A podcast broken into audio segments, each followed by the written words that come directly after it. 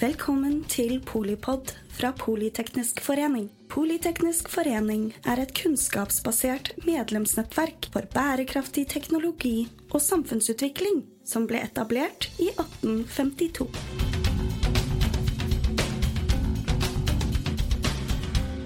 Velkommen til podkastserien Drivstoff for en grønnere verden. Mitt navn er Pedram Nadim. Jeg er styremedlem i Politeknisk forenings eh, nettverk for samferdsel og jobber til daglig i TK2030 som forretningsutvikler for hydrogenteknologi. I 2022 sto transportsektoren for 33% av klimagassutslippene i Norge og 23% av utslippene globalt. For å kunne begrense global oppvarming til 1,5 grad må vi redusere forbrenning av fossile drivstoff med 78% innen 2050, og raskt erstatte disse med energibærere eller drivstoff basert på fornybar elektrisitet, hydrogen og biodrivstoff. Dette ifølge DNVs rapport Pathway to Net Zero Emissions fra slutten av 2023. Så hvordan ligger vi an med å ta i bruk de alternative drivstoffene som skal erstatte fossilt i fremtidens grønne verden? I denne podkastserien skal vi gjennom samtaler med eksperter og næringen sjekke status for fremtidens grønne energibærere, som skal dekarbonisere transportsektoren. Eh, I dagens episode skal vi snakke om batteri til transport. Eh, litt kort om batteri. Eh, energitettheten til et batteri er vel Gode batterier har kanskje tetthet på 0,2 kWt per kilo, som er 2 av energitettheten per, per kilo da, som man har i en dieseldrivstoff. Um, men det er jo vesentlig annerledes enn andre drivstoff, i og med at man, uh, batteriet er jo bare der i kjøretøyet og fyller på strøm. Um, for, for, å si litt mer um, om dette, så har vi da invitert to gjester til podkasten. Uh, vi har uh, Anders Teigland, som er um, CEO i Tiotech. Så har vi Sigve Aasebø, som er seniorrådgiver i Statens vegvesen. Um, det er først uh, Anders, om du kan si kort om deg selv? Takk, Pedram. ja, Eh, jeg jobber i Tiotech, og der lager vi hvite pulver som gjør batteriet en million ganger bedre. Um, de hvite pulverene består av et stoff som heter nanotitandioksid. uh, og vi har utvikla prosesser og teknologier for å gjøre dette nanomaterialet brukbart i batterier, um, som har vært en stor utfordring um, for nanoteknologi generelt. det dette gjør med batteriet, er at du får batterier som lades veldig hurtig, uh, og som varer veldig, veldig lenge. Um, samtidig som de er ekstremt sikre. Mm. Um, jeg skal gå litt mer inn på litt ulike teknologier i det av samtalen, og det, det, ser jeg veldig fram til. Det blir spennende. Mm. Uh, så har vi Sigve Aasebø. Um, kan du si litt om deg selv? Ja, takk Nadim. Jeg jobber som sagt i Statens vegvesen med kjøretøyteknologi. Eh, der jobber jeg med regulering av den. Jeg jobber med nye drivlinjer eh, og fokuserer mest på batteri eh, i forhold til det. Så bruker jeg den kunnskapen inn mot nasjonal planlegging for nullutslipp inn mot 2030 og 2050. Mm. Så Anders, siden du kommer fra batteriindustrien, så lurte jeg på om du kan kanskje på kort beskrive hva Hva er et batteri, og hvordan brukes det til eh, transport? Ja. Hvordan vil du definere det? Hva er et batteri? Jo, eh, et batteri er jo en elektrokjemisk energilagringsenhet. Ehm, et batteri betyr jo egentlig bare masse ting som står i serie, eh, men vi snakker jo veldig, veldig ofte om det som heter litium-ionebatterier når vi snakker om batterier i dag. Så det, mm. det, er kanskje det som er lettest å beskrive, og det folk flest tenker om som, som et batteri. Um, Batterier skiller seg fra konfesjonelle drivstoff i det at du har ikke molekyler som går inn, du har ikke en tank som der du lagrer et, et, et molekyl. Og energien er ikke lagra heller i, i, kjemiske bindinger, det er lagra i et potensial, i et elektrisk felt. Mm.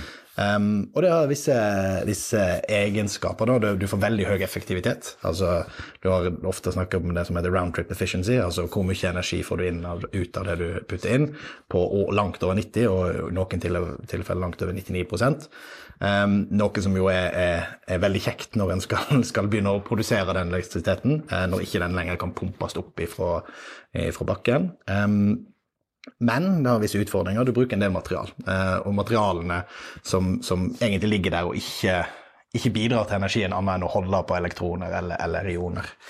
Um, og det i seg sjøl um, gjør jo at du har en begrensning på hvor mye energitetthet du får. For selv om elektroner, som er jo egentlig det som gir oss energi i, i en elbil eller i, i alt denne elektriske, det er jo ekstremt lett. Det er jo den minste, minste kjernepartikkelen den har. Eh, men pga. at en må pakke det inn i så mye, så blir energitettheten nokså lavere. Ja, så du har egentlig et uh, nesten veldig veldig lett drivstoff, da. Ja. men en kjempetung tank. Sånn kan du òg si på ja. det. Se på det, ja. ja. Um, og, og, og, det gjør at en må tenke litt annerledes om hvordan en, en bruker Eh, elektrisitet eller batteriet når en skal, da, eh, skal da ut og bruke dette eh, mm. til å transportere ting, eller til å drive, drive transport med. Da. Mm. Ja. Sigve, har du noe du vil fylle på der? Hva tenker du når du tenker på et batteri? Jeg eh, fyller ikke på noe på det tekniske her.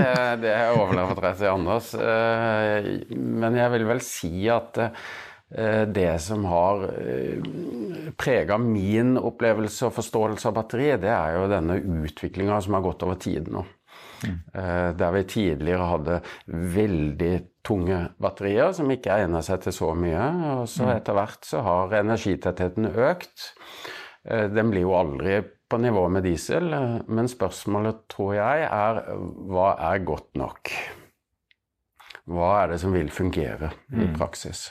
Mm. Ikke sant? Og det har vel kanskje alle som kjører elbil kjent litt på. Kanskje den der eh, initielle skepsisen om at det kommer denne bilen seg fram langt nok, har jeg nok rekkevidde? Og så er det jo litt det med at man først bruker hverdagen, så, så er jo kanskje ikke behovet ditt for, eh, for, å kjøre langt like stort som det man uh, først tror, da. Men, Nei, altså, altså, hva er det Sjølt snitt, uh, snittdistansen som sjølt amerikanere kjører, er vel mm. godt under 100 km per dag.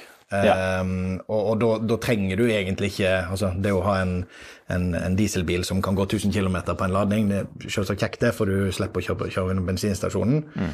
Men der elbilen kommer inn med brukervennlighet altså Ja, du trenger egentlig ikke så mye mer enn 100 km, sannsynligvis, til det, til, til det, meste av det du bruker en bil til. Mm. Um, og så kan du starte med full tank hver dag. Uh, så du slipper den, det å kjøre rundt og lete etter en, en, en uh, du har. Liksom drivstoffet tilgjengelig i garasjen? Ja, de aller fleste har det. Ja. Um, og det har jo vært en kjempeviktig del av hvorfor vi i Norge er veldig flinke til å kjøre elbil. I tillegg til gode insentiver og, og, og den biten, så, så, eh, var jo de aller første som, som begynte å bruke elbil, som jeg kjenner, var jo oljeingeniører, fordi de sa det er jo kjempelett. Og det, det, er null problem for meg å kjøre til og fra jobb med det. Ja, og det er jo fantastisk effektivitet da, i ja. forhold til uh, å brenne et drivstoff. Ja. Helt klart, helt klart. Jeg er jo, jeg er jo altså, Som kjemiker og sånn, så er jo en av de mest irriterende tingene at vi pumper opp et sånt altså Olje og gass for meg er jo et, et råstoff som kjempe, har kjempeverdi i seg sjøl til å kunne brukes til å lage andre ting. Mm. Eh, og så bruker vi stort sett, som samfunn har vi valgt å bruke den stort sett og bare brenne den og la den gå, flytte oss rundt, og mesteparten går opp i varme. Mm. Ja. Ja.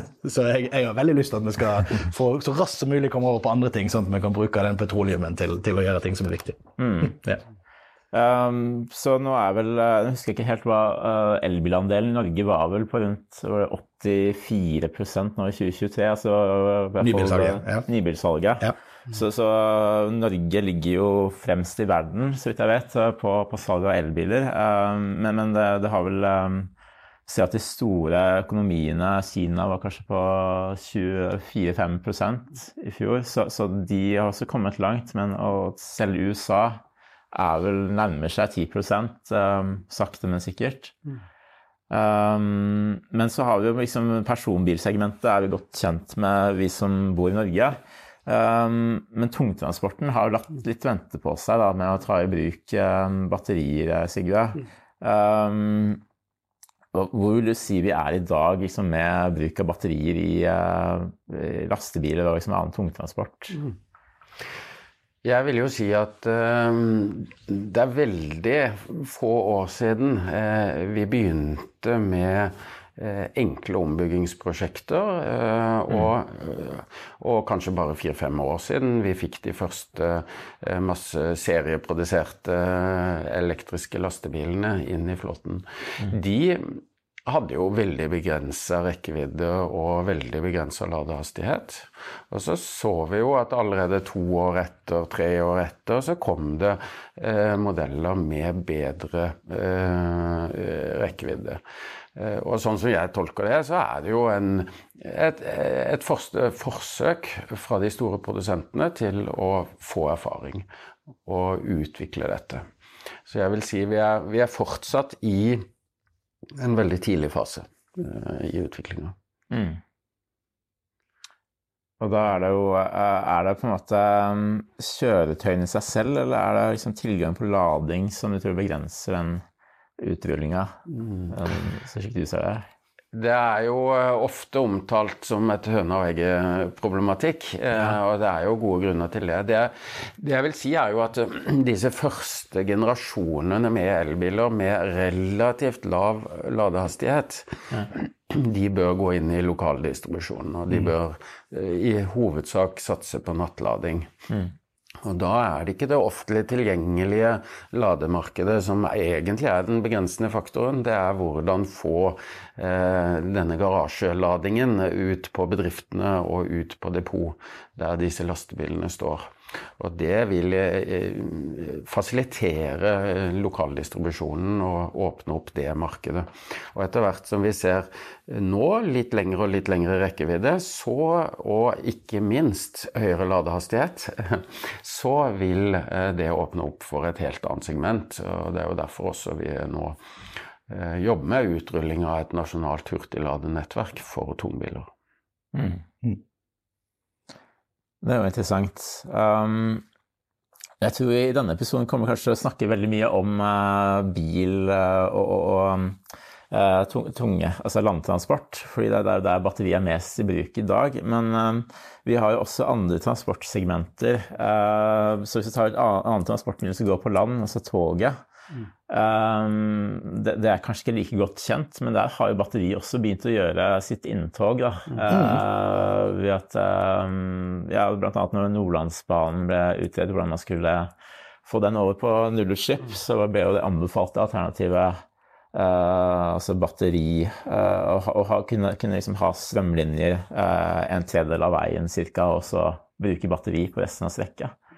Så, så, det gjør jo også muligheten for å på en måte delelektrifisere i stedet for å helelektrifisere. Ja, eh, vi holder jo til i Bergen, og der er jo ja. eh, en viktig debatt. Eh, går jo om Bybanen over Bryggen eller ikke. Ja, ikke og et av de viktigste argumentene imot har jo vært denne forsøplingen som, som eh, de linjene vil, vil bidra til når vi har Bybanen over der. Um, der ser en jo òg altså, på den type lokaltransport, f.eks. i NIS, så løser jo det med at du har batteridrift gjennom det gamle sentrum. Um, mm. Og det, også, altså, det kommer jo veldig i Også i Tyskland, flere delstater der har jo valgt å gå for batteridrift Mm. med delelektrifisering og lading på, uh, på alle stasjoner. Da. Um, og da er det ikke snakk om så veldig lang rekkevidde egentlig du trenger. Nei. Men du trenger hurtiglading, og du trenger eh, lang levetid, ikke minst. Mm. Så der har de gått med for en del litt, litt andre teknologier enn det vi typisk ser. Og, og altså, i, tog har jo ofte valgt det som faktisk til og med ikke, ikke en litium-ioneteknologi, men både nikkel-kadmium og nikkel-metallhydrid-teknologi eh, fram, fram, til nå. Så det, det, var det vi hadde i gamle telefoner? Ja, ja. ja. Og, og, og, og, i kamera før. altså Fotokamera var det første som ble litium-ionebatteriet ble, ble, lansert i. Akkurat, ja. um, og det var én ting, som, som en ting er vekt, men det er egentlig den volumetriske som faktisk har vært veldig viktig for å komme opp, for de første litium-ionebatteriene var ikke så mye mer energitette enn en, en så, så, altså, Hvor mange kilowattimer man har per liter ja, tilgjengelig? Ja. Mm. Uh, så for, for sånn portabel elektronikk og sånt var jo faktisk det vel så viktig som, som vekt i begynnelsen. Akkurat, um, og så ser en jo nå Det har liksom vært en slags uh, nesten et platå på den energitettheten i batteriteknologien, men det har virkelig skutt fart. Iallfall annonseringene. Og så er det litt sånn fascinerende å, å se da når disse cellene faktisk kommer ut om å få litt sånn tredjepartsverifiseringer for å prøve å finne ut nøyaktig hvor mye bedre er de nye cellene som kommer, som det vi har i dag. Ja, ikke sant. Um, så det, det Ja, så jeg har begynt å se avisoverskrifter med sånn at natrium-ion-batteri Ja. også er på vei. eh, produsert i Kina, men Ja, der har vel eh, CATL har begynt å produsere Ja. og skal inn i biler først. Og det er jo igjen en sånn derre Hadde du sagt for kanskje to-tre år siden til og med, så hadde ingen tenkt at det skulle inn i biler. nei. Dette var noe som var kjempebillig, men kunne brukes der du skulle ha liksom, ja, stasjonær energilagring, Mm. backup-løsninger og sånt, fordi at det var, energitettheten var for lov, låg. Ja. Og så har de plutselig klart å lansere nå noe som er ca. som Ja. kanskje LFP for tre-fire år siden, da. Um, og tenke seg at på de kostnadene, da kan vi putte det inn i de virkelig billige modellene. Um, og, og, og det er jo òg noe som, hvis du ser på elbil, og, og hva elbiler som er tilgjengelige i dag, så er liksom den, det er jo, det, det er jo high end-segmentet som har begynt. Ja. Og nå har det begynt å komme en del sånne litt mer, eh, er mer eh, si, rimelige modeller. Men så ligger vi lang- særlig i Europa. da. I Kina så har de begynt med dette, her, men i Europa ligger en kjempelangt bak på, på småbilene. Mm. Der har en liksom ikke noe særlig alternativ, egentlig. Eh, og, og mye dårligere markedsandeler enn en i, i de litt større va- variantene. Så det er litt sånn der, den rekkevidden henger igjen i både Europa og USA eh, veldig. Eh, Ja. det, og da må du ha store batterier og store biler for å få plass, rett og slett. Mm, mm. Mm.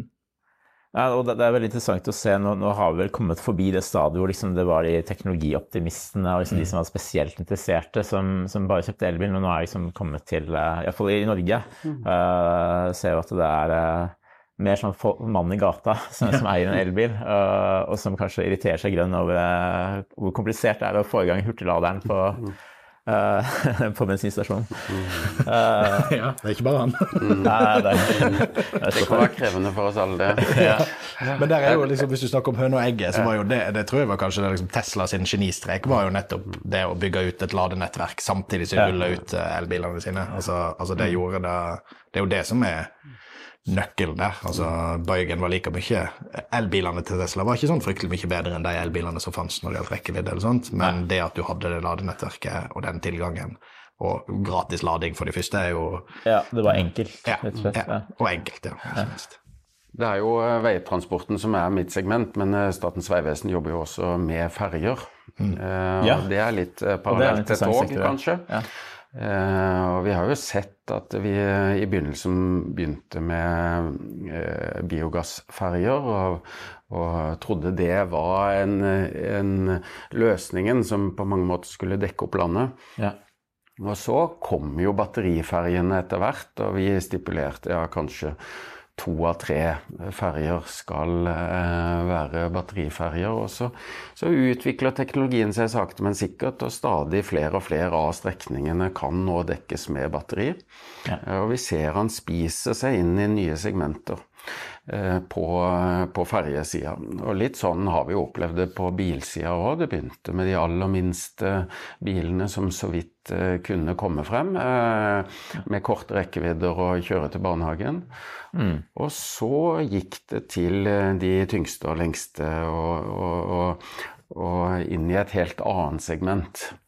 Og det som er litt spennende nå, det er jo at eh, vi har gått fra hvilket kjøretøy er det mulig å kjøre på batteri, til hvilket kjøretøy ønsker vi å kjøre på batteri. Og det vi ønsker å kjøre på batteri, spesielt i tungtransporten, det er jo der vi har brukt ekstra mye diesel. Ekstra mye energi. Der eh, batteriet virkelig kan gjøre den harde jobben eh, og kutte dieselregninga. Det er der det blir mest spennende. Og det, det er jo eh, Hva skal vi si Når man sammenligner teknologier, så er det jo i hvert fall tidligere med sånn stabilt lave strømpriser i Norge, så har det jo ikke vært noe spørsmål om liksom hva som er billigst i bruk. Da. Det er jo batterikjøretøy, og det er vel fortsatt slik med, selv med dagens strømpriser. Um, så, så, men, men der kan jo selvfølgelig um, Tidligere har jeg jo også jobbet i Ruter med Vært litt innom uh, uh, oppstart av elbusser, og du vet jo at det kan, kan være dyrt å fremføre strømmen der man trenger den, Mm. hvis de ikke har eh, ledig kapasitet i nettet. Uh, den utfordringen er kanskje større i, i um, uh, nedover på kontinentet i Europa enn, enn det vi opplever mange steder i Norge. Men, men i Norge har vi også bl.a. noen ferjestrekk som fortsatt gjenstår å elektrifisere, hvor det, er, hvor det vil være dyrt å fremføre nok strøm. Um, Det er klart at um, der det ikke bor noen mennesker, der det ikke er noen industri, Ja. der er det heller ikke strøm. Eh, og hvis vi har ferjestrekninger som ligger veldig desentralt til, så blir det en mer krevende øvelse. mm. Eh, og vi har plasser der nettet er litt fullt, eh, og det vil eh, være utfordringer der. Så, så det er klart at eh, vi vil eh, måtte eh, bygge noe nett for å få til dette. Men når det er sagt, så er det ikke veldig mye strøm som skal til for å drive transportsektoren. Ja. Det er overraskende lite eh, strøm som egentlig skal til. Men den må ut eh, i landet. Og, og, den må, eh, og nettet må bygges ut i landet. Mm. Det, det, det er veldig sant. og Det er liksom, det er ikke, det er ikke, det er ikke batterifabrikkstørrelse på det strømbehovet. Og, og Ja. liksom, så det, er, det, tror jeg er et, det er et mer løsbart problem enn enn mange, mange, mange tror. da. Um, uh, men, men det krever politisk vilje, og det krever vilje til å legge noen sånne monstermaster på plasser der det ikke er monstermaster. Og det, er, det skal en òg ha en respekt for at det, det tar litt tid, og det skal folk bli med på. Um, og for ikke å stria forut, men, men der har vi jo en utfordring i, i Norge, og hvordan skal vi raskest nok bygge ut nok kraft til å gjennomføre hele dette skiftet. For selv om Ja. store og så er ikke det de kjempestore mengdene, så er det fortsatt nok til at det kan, være, det kan bli utfordrende. Ja, det er jo Vi skal ikke ta det, hele debatten om liksom, eh, natur versus klima og, og å si, eh, rasering av, eller utbygging av infrastruktur her, men eh, eh, det, det er en del sånne utfordringer som, som um, Man må gjennom en del byråkrati da, for å få lov å bygge ut infrastruktur, og, og sånn har vi bygget uh, systemet vårt. Absolutt. Så, så meng mengden strøm til transportsystemet er ikke urovekkende. Men når en kommer på toppen av alt det andre som også skal bruke strøm, eh, så er det klart det er en jobb å gjøre. Det er det. Spennende. Um, så vil jeg bare um, Jeg kan jo nevne Jeg jobber jo selv um, mye opp mot maritim sektor, og der er det jo um, Vi har har jo snakket om ferje, ferjer mm. som kjører relativt korte distanser, og som ofte har mulighet for, å lade i, i én kai. Um, så trenger ikke så stor batterikapasitet nødvendigvis hvis det ikke skal veldig langt. Um, men det har jo blitt uh, resten av maritimsektoren som kjører lengre strekker, har jo også begynt å installere batterier i skipene sine for å, for å kutte utslipp og drivstofforbruk. Mm. og der ser vi etter hvert også at det vil komme krav i flere, særlig storbyhavner, da, hvor de ikke ønsker utslipp fra skip i havna. Ja. Så bare den egenskapen at man kan liksom bare på å si, ha, stå parkert uten å slippe, uten å forurense, er jo også en viktig egenskap med batteriet. Um, så, så vil du kanskje touche litt innom luftfarten, eh, som kanskje er det segmentet som har kommet uh, uh, kortest, vil jeg jo si, på batteriet. Men Ja. vi har jo sett eksempler på, på fly også som kjører med batteri. Eh, Anders, har du lyst til å se liksom, hva, hva, kjenner du til på det området? der? Ja, altså der er jo der er det en fortsatt der at en prøver å finne ut hva en skal, hva en skal faktisk velge. Eh, eh, jeg tror at for en del av de eh, segmentene vi nå har diskutert, er på en måte, ja, litt som man sier, om ønsket med batteri inn eller ikke, er på en måte eh, problemstillingen. Og, og hvor store batterier ønsker vi inn. Altså, det er jo det som jeg ofte pleier å si, for oss som ikke jobber med sånn type elbilbatteri, så er hydrogen kjempebra. For de trenger òg et batteri. Og de trenger et batteri med helt andre egenskaper enn det som går inn i en elbil. Um, og jeg tror litt av det blir nok for, for langdistanseflygning tror jeg det blir en, en, en måte en kan løse det på. At en, en har et eller annet kjemisk drivstoff med en batteribuffer på, på toppen. Um, Um, men så er det jo den som skjer på kortnettet og korte distanser, er jo veldig interessant nå. Det er et norsk selskap som heter Elfly, som er jo langt framme på å ha planer om å, å, å, utvikle et lite persontransportfly som ja. skal kunne gå på kortbanenettet, altså Widerøe sine, sine typer fly. Mm. Um, og så er det jo en, en hel haug med startups i både Europa og, og USA som jobber med dette, og mm. sikkert mye innenfor eh, i, i Kina òg som vi, ikke vet om.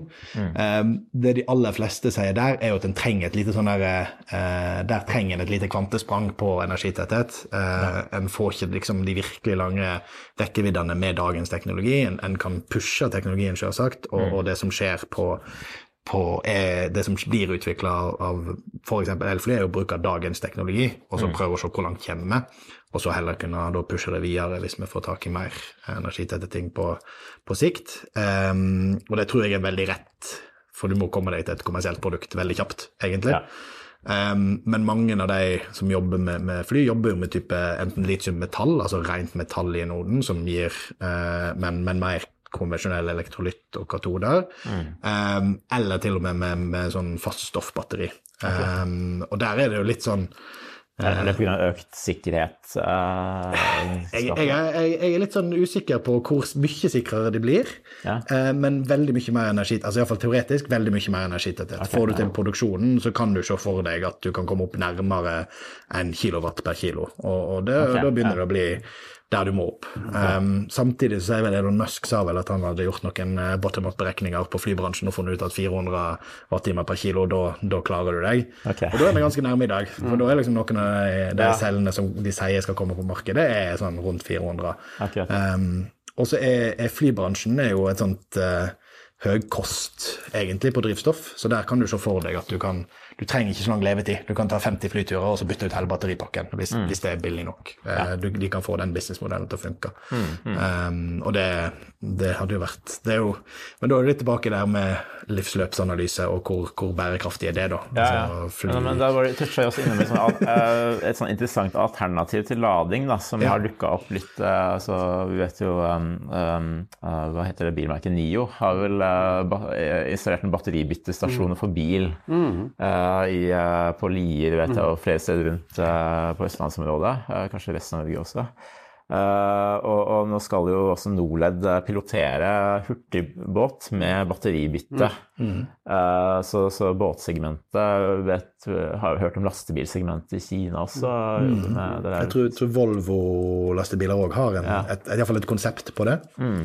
Og, og da, da, har du på en måte Da tar du jo litt av det derre for eierne av kjøretøyet da, så, så slipper de, har de én ting mindre å tenke på, kanskje, med liksom, levetiden på batteriet og ivareta det. Men uh, hva, hva, har dere noen noe tanker rundt liksom, batteribytte som en uh, si, sånn konsept? Er det hva, hva, hva, gjør det Hva slags egenskaper bør sånne batterier ha i forhold til uh, de som er statisk i kjøretøyet? Mm. For oss eh, så mm, ser vi jo at eh, det er mange som har testa det.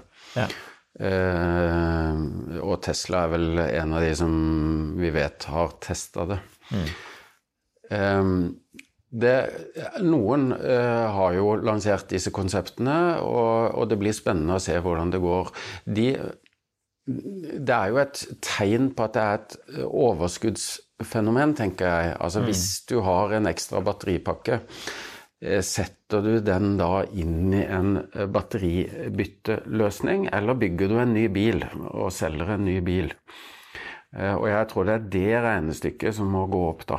Altså hvis du har overskudd med batterier, så kan du i gåsehudene ha råd til å sette det inn i en swap-løsning. Mm. Men hvis du egentlig har litt mangel på batterier, så tror jeg fortsatt du da ønsker å produsere en bil og selge en bil. For de aller fleste merker ennå. Ja. Mm. Altså, det, det, åpner jo opp for en del sånn litt sånn interessante forretningsmodeller. altså NIO har jo innført det med at du, du leier batteripakken. Du leier egentlig ikke du, du, du, kjøper ikke batteripakken som en del av bilen. Mm. Um, som så det er jo en veldig annen tankegang enn hvordan jeg tror de aller fleste har om det å eie bil. Mm. Um, så, så, jeg tipper at kanskje dette er aktuelt for en del flåte. Det kan være en aktuell løsning for flåtekjøretøy som uansett, der, der kjøper du på en måte skallet, og så kjøper du en del ekstra batteripakker, og så bygger ja. du det ut, altså DHL eller, eller taxiflåter eller den type ting. Mm. Um, men eh, eh, det, det, er litt sånn der revolusjonerende forretningsmodell, eh, tenker jeg, da. Um, og så er det altså på, på, på skip eh, så blir jeg veldig spent på den eh, piloten som skal opp og gå. Mm. Um, de jeg kjenner som jobber med elektrisitet på skip, er veldig skeptisk til saltvann og vil helst ha alle elektriske systemer så lukka som mulig. Um, så det å drive på å skulle koble fra og egentlig den viktigste framdriftsmetoden der, det er, en, det er en løsning. Og samtidig så er det jo altså, jeg tror den mest vanlige tingen som ryker på en elbil, er ladepluggen. Ja. Um, så der er jo på en måte hvordan der, der, tror jeg blir liksom den, den tekniske utfordringen som, mm. som, de må bevise. Uh, og får de til den, så er det særlig for alt som er på retrofit, altså alle de eksisterende hurtigbåtene som er der ute i verden, ja. de trenger en løsning. Og der ser en jo på all statistikk på registrerte elektrifiseringer innenfor maritim sektor, så er det ny, nybygg. Der, går det, der er hockeykurven, eh, hockeystikken, på vei. Mm. Men på, på, retrofit så det ganske, har det vært ganske stabilt i, i ca. ti år på hvor mange nye retrofit som kommer ut. Iallfall i Europa, der, med, ja. der, jeg har sett de beste. Og, og, det er litt sånn, det er litt bekymrende, for det er en stor, stor flåte mm. som, skal, eh, som, skal, elektrifiseres. Ja. ja, det er jo særlig, særlig båter og skip. Det jo, tar jo, har lang levetid, og tar, det vil ta lang tid å skifte skifte ut flåten med nye mm. fartøy. Mm.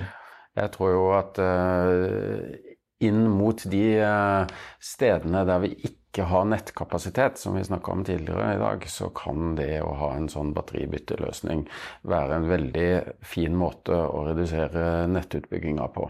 Mm. Og da gir det veldig god mening. Mm. Det kan gi god mening hvis du har eh, veldig eh, dårlig tid, hvis du har veldig stort energibehov, hvis du har litt utenom normalen bruksbehov. Mm så kan det gi veldig mening med batteribytte. Mm. Eh, men eh, i utgangspunktet, hvis du kan sykle batteriet én til to ganger om dagen, så tenker jeg det er en veldig driftsøkonomisk gunstig måte. Hvis du klarer å lade da og sykle et batteri én mm. eh, til to ganger om, om, om dagen, så, så, har du en, et veldig godt utgangspunkt som er vanskelig å slå økonomisk. Mm. Hvis det passer inn i driftsmønsteret ditt. Ja. Og akkurat hurtigbåtsegmentet er jo et av de vanskeligste. For én, du har egentlig en ganske liten Det er ganske en av de, de, transportformene der du utnytter båten veldig, veldig effektivt. da. Så mm. du har masse, masse plass til å transportere det du skal transportere. Ja. Så lite plass til egentlig å sette inn store batteripakker. Mm. Og, um, og det forbruket går fort opp når du øker vekta. ja, ja. Og, og, og, som, og, et veldig høyt forbruk eh, av energi per persontransport, mm. eh, per personkilometer. Sånn at, sånn at er, det, det, er helt klart en kjempeutfordrende. og eh, nå blir vel, det, det er jo et uh, Medstrøm, et prosjekt i Stavanger, på den lokalbåten der, mm. der de har brukt batteri. og uh, det har i vært, NRK har i hvert fall funnet en del folk som ikke var så veldig, veldig fornøyd med, med, med, med, tilbudet etterpå. da, Altså du har redusert tilbudet. Og det er. Det er kanskje den største utfordringen. altså Hvis folk får en ny grønn løsning, og så tilbudet, blir tilbudet dårligere, ja. så blir det gjett at uh, dette er batteri, og det funker ikke, og det er er der. Så du har liksom ikke råd til å ha de barnesykdommene egentlig, for vi har det så travelt at vi kan ikke ha at folk tenker at ja, ja, Nei, de neste jo... to-tre årene skal vi velge inn politikere som ikke vil, vil pushe denne agendaen. Ja, vi har ikke råd til å, til å ta en retrett på liksom, elektrifiseringen. Nei. Nei. vi vil kanskje touche litt innom det med altså, Batteri har jo spesiell egenskap ved at du kan jo også du kan lade batteriet, men du kan jo også bruke batteri i kjøretøyet til å levere strøm tilbake til huset ditt eller til strømnettet, for den saks skyld. Um, har, vi har ikke sett så mange eksempler av det vi kaller vehicle to grid-løsninger ennå, utenom noen pilotprosjekter, men, men tror du det vil uh, bli mer vanlig i årene framover? Mer vanlig, ja.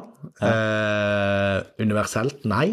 Um, altså, eh, jeg var faktisk på en og hørte på um, Hundai hadde, hadde, hadde, et innlegg på en konferanse jeg var på, der de snakker om akkurat det der.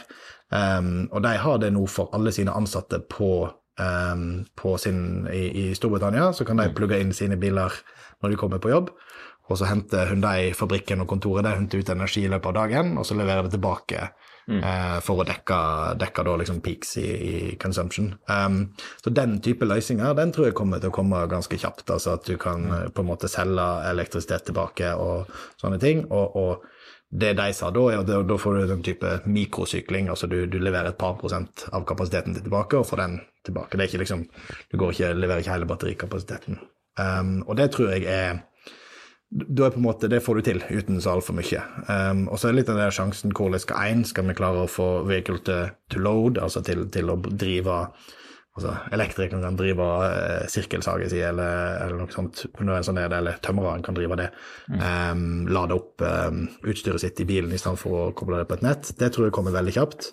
Eh, også det å kunne bruke det i heimen til å balansere f.eks. solcelleproduksjon. Og så er jo problemet det at stort sett står bilen ikke Når det er solproduksjon, så står stort, sett ikke på bilen på parkeringsplassen, men, uh, men heller hos, hos jobben. Um, uh, men, men, den type ting tror jeg du kan få, altså få litt sånn uh, load shifting lokalt. Mm.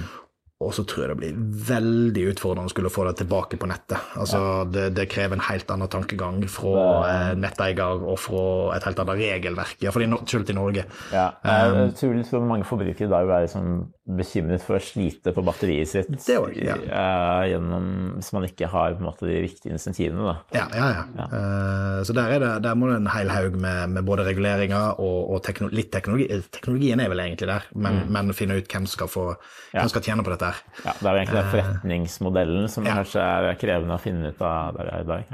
Ja, mm. det tror jeg nok. ja. Um, Sigve, um, batterier er jo altså utslippsfrie i bruk da, på kjøretøy. Mm. Uh, men det krever jo, i hvert fall i dag, ganske store utslipp å produsere mm. batterier. Mm. Um, hvor ser du på en måte utviklinga går på det der med livssyklusutslippet fra, fra, et batteri? Mm. Er det er et veldig viktig aspekt. Mm. det er det, det er grenser for hvor stor eh, miljøbelastning vi kan akseptere fra batteriene og fra produksjonssida her. Samtidig så vil jeg si at vi, vi gjør ikke denne omstillinga eh, ved å se på dagens eh, produksjonsutslipp og mm. dagens mm. produksjonssystem. Eh, dette er et eh, langsiktig løp, og vi omstiller transportsektoren med tanke på store utslippskutt i 2030 og 2050. Mm. Og i det perspektivet så tenker vi jo at uh, også uh, elektrisitetsnettet i Europa blir tilnærma utslippsfritt. Europa kommer til å bygge stadig større del av verdikjeden for batterier og, og biler. Mm. Uh, så det betyr at på sikt så vil energiproduksjonen som går inn i batteriproduksjonen, gå dramatisk ned. Den må det. Og så er det klart at det å utvinne råvarer og det å eh, sprenge fjell og, og, og, lage innsatsfaktorene, det, det, vil ha store miljøpåvirkning. Det er ikke til å komme unna. Mm. Eh, noe av dette blir vi ikke kvitt. Men vi, vi tenker at vi må sikte frem. Og så må vi forstå implikasjonene av det transportsystemet vi bygger nå. Hvordan vil det se ut om eh, 10 år, om 30 år? Mm. Ja, og så planlegge for det. Vi må ikke planlegge ved å se bakover, vi må planlegge ved å se fremover. Og, og hvor ser du egentlig at liksom, batteri til transport, hvor, hvor, er vi da i 2030? I, i eh, volum så tror jeg det er større enn de fleste ser for seg, i flere transportsegmenter enn de fleste ser for seg. Eh, hvor, hvordan dekkes dette opp? Jo, jeg tror ikke Europa vil klare å produsere nok. Det blir import. Det blir også eh, store miljøpåvirkninger i andre verdensdeler, og vi vil ha mange år med stor miljøpåvirkning i, over hele verden med det transportsystemet vi legger opp til. Derfor mener jeg også at det er superviktig å tenke energieffektivitet selv når man velger elbil. da er ikke likegyldig om den elbilen bruker 150 eller 250 watt-timer per kilometer. Det er kjempeviktig når vi ganger dette opp med 1 million, 3 millioner kjøretøy. Ja. Så, så, blir det mye. Det blir mye for nettet, det blir mm. mye for energiproduksjonen, det blir mye for alle. Og det er altfor lite fokus på hvor mye energi eh, hvert enkelt kjøretøy bruker per kilometer. Eh, Anders, har du eh, noe du fyller på det? Hva tror du uh, altså, hva tror du har skjedd i batteritransportsegmentet om seks år? Ja, jeg er nok veldig enig i, i de generelle linjene her. Ja. Det, det, skjer såpass mye både på, på energitetthet, men ikke minst på kostnad. Altså, det er jo der virkelig altså, Energitettheten har kanskje dobla seg de siste, ut i markedet ut de siste ti årene, men kostnaden har jo gått ned over 90% Og det er, jo, det er jo litt den der som har gjort at vi kanskje òg har eh, endra litt fokus på det er ikke så farlig om batteriene slutter å fungere om fem år, fordi det mye, blir mye billigere å erstatte batteriet om fem år enn det å kjøpe et mm. batteri som i dag varer dobbelt så lenge. Så jeg tror du vil se en del andre og nye teknologier komme inn nå, Um, nett, altså natrium, moment fast stoff, det tror jeg nok ligger litt lenger framme enn en ja. 2030. Uh, I hvert fall på kommersiell skala. Mm. Um, sånn jeg tror vi får se mange forskjellige batteriteknologier i de forskjellige nisjene. Um, mm der en på en måte har en litt mer sånn, ja, en segmentering. Um, så det blir mer sånn spesialiserte batterier, rett og slett? Ja, jeg tror ja. det. Um, altså litt, Du kan jo velge tre-fire ulike bensintyper når du går på en bensinstasjon og kjøper det. Altså, det blir litt av samme der, da, at du får litt ulike batterier som skal gjøre, gjøre ulike ting i, i, i, i, i systemet. Tror du det blir utformet med tanke på sånn resirkulering av batterier og Nei. Nei. Jeg tror ikke det. Altså, det er, eh, batterikomponenter er egentlig ganske altså, batterier er egentlig relativt enkle fra en sånn kjemisk ståsted. Det er ikke så mange forskjellige ting som er inni de. Mm. Så resirkulering er mer enn det du må få økonomien i det. Og, og ja. Utfordringen har vært, det har ikke egentlig vært så store volum som skulle resirkuleres. Eh, mm. Nå er utfordringen litt det motsatte, at det er billigere å kjøpe et, et nytt LFP-batteri enn det å prøve å resirkulere et gammelt NMC-batteri. Ja.